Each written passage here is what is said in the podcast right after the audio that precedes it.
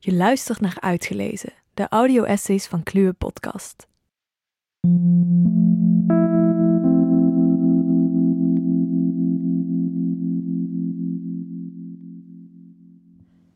Bij Uitgelezen vind je audioversies van filosofische essays die wij de moeite waard vinden.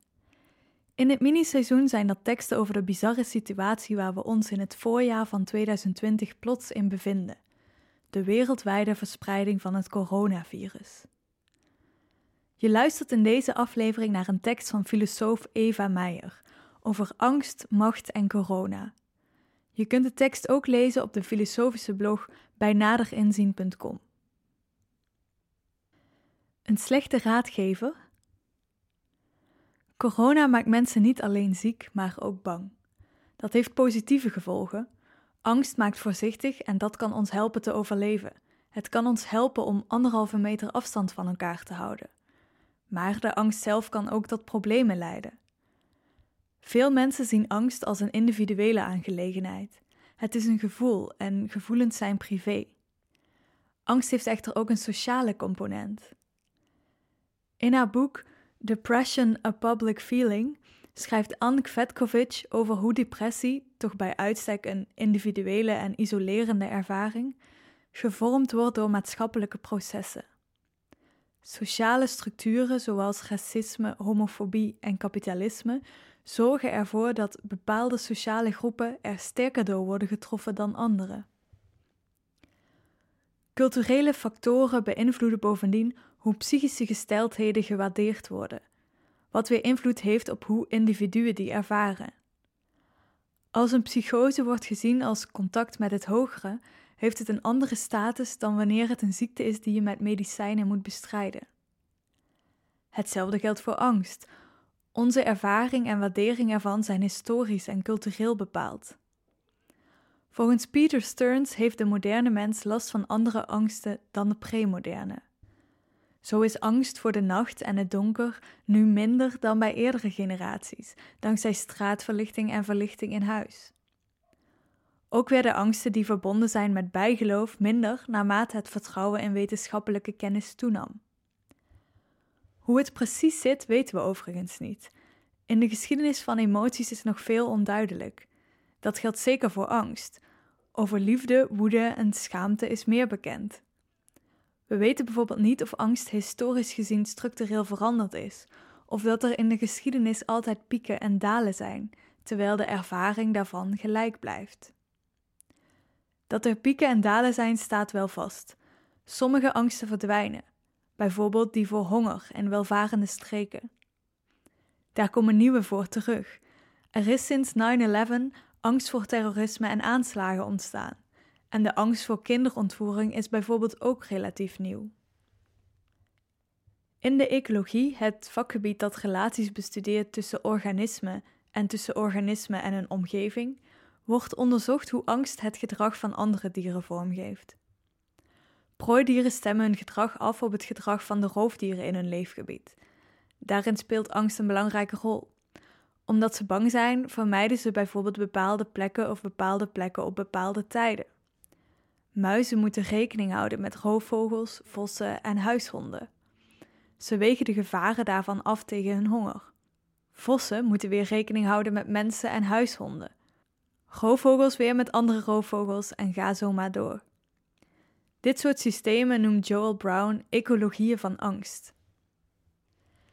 In sociale relaties tussen mensen zie je iets vergelijkbaars. Vrouwen worden gesocialiseerd om bang te zijn wanneer ze alleen in het donker naar huis lopen of fietsen. De angst voor het donker is dus niet voor iedereen in gelijke mate afgenomen. En om op hun hoede te zijn wanneer ze hardlopend in een bos een man of groepje mannen tegenkomen. Ze passen daardoor hun gedrag aan. Hetzelfde geldt voor andere gemarginaliseerde groepen.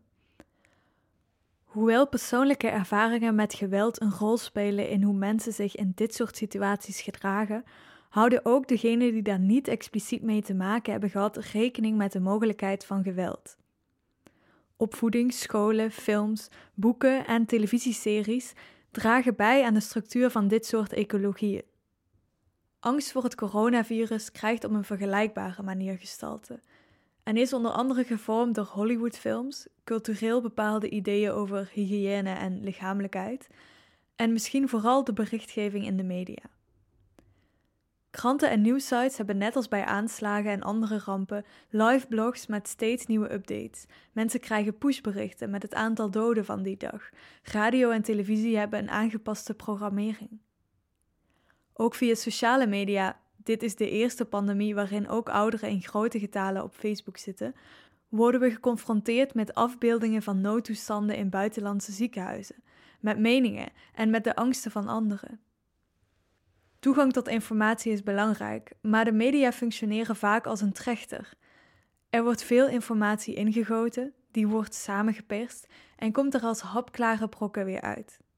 Vervolgens worden die brokken steeds herhaald, waardoor ze groter lijken dan ze zijn. Maar de complexiteit van de werkelijkheid kun je ook tijdens een pandemie niet met clichés en dooddoeners beschrijven. En de keuze voor welk nieuws er gebracht wordt is niet neutraal. Dat kan angst versterken of juist doen afnemen. Een belangrijk aspect van een sociale ecologie van angst is dat zij machtsverhoudingen instelt of bevestigt. Neem de angst van vrouwen om in het donker over een landweg te fietsen in een patriarchale samenleving. Die draagt bij aan de onderdrukking van vrouwen, perkt hun bewegingsvrijheid en vrijheid van expressie in, toch maar geen kort rokje, toch maar geen uitdagend gedans, zorgt voor zelfcontrole en leidt misschien zelfs tot een gevoel van waardeloosheid of minderwaardigheid. Angst disciplineert. Het zorgt ervoor dat mensen zich bepaald gedrag eigen maken. Ook corona-angst is deels gevormd door machtsverhoudingen en bestendigt die. Ouderen hebben nu bijvoorbeeld niet alleen van het virus meer te vrezen, maar ook van een deel van de mensen, dat ze als economisch minder waard beschouwt. Een vergelijkbare discussie speelt nu in relatie tot dikke mensen. De racistische uitingen tegen mensen met een Aziatisch uiterlijk die vlak na het begin van de uitbraak plaatsvonden, zijn hier ook een voorbeeld van. Angst maakt mensen bovendien vatbaar voor propaganda. Maatregelen tegen het virus zullen omarmd worden als ze veiligheid beloven. Dit is iets om voor op te passen. Die maatregelen kunnen namelijk onder andere ontwrichtende gevolgen hebben. Zo is een lockdown schadelijk voor mensen en huisdieren die mishandeld of misbruikt worden. De enorme nadruk op corona doet het ook lijken of andere rampen niet tellen. Denk bijvoorbeeld aan het opschorten van klimaatbeleid of het uitstellen van de aanpak van misstanden in de psychiatrie. Hiermee wil ik niet betogen dat we individueel moeten gaan rebelleren, maar om wel overwogen over coronamaatregelen te kunnen oordelen, moeten we ook reflecteren op ecologieën van angst met betrekking tot gezondheid, economie en andere zaken en onderzoeken wie daar garen bij spint.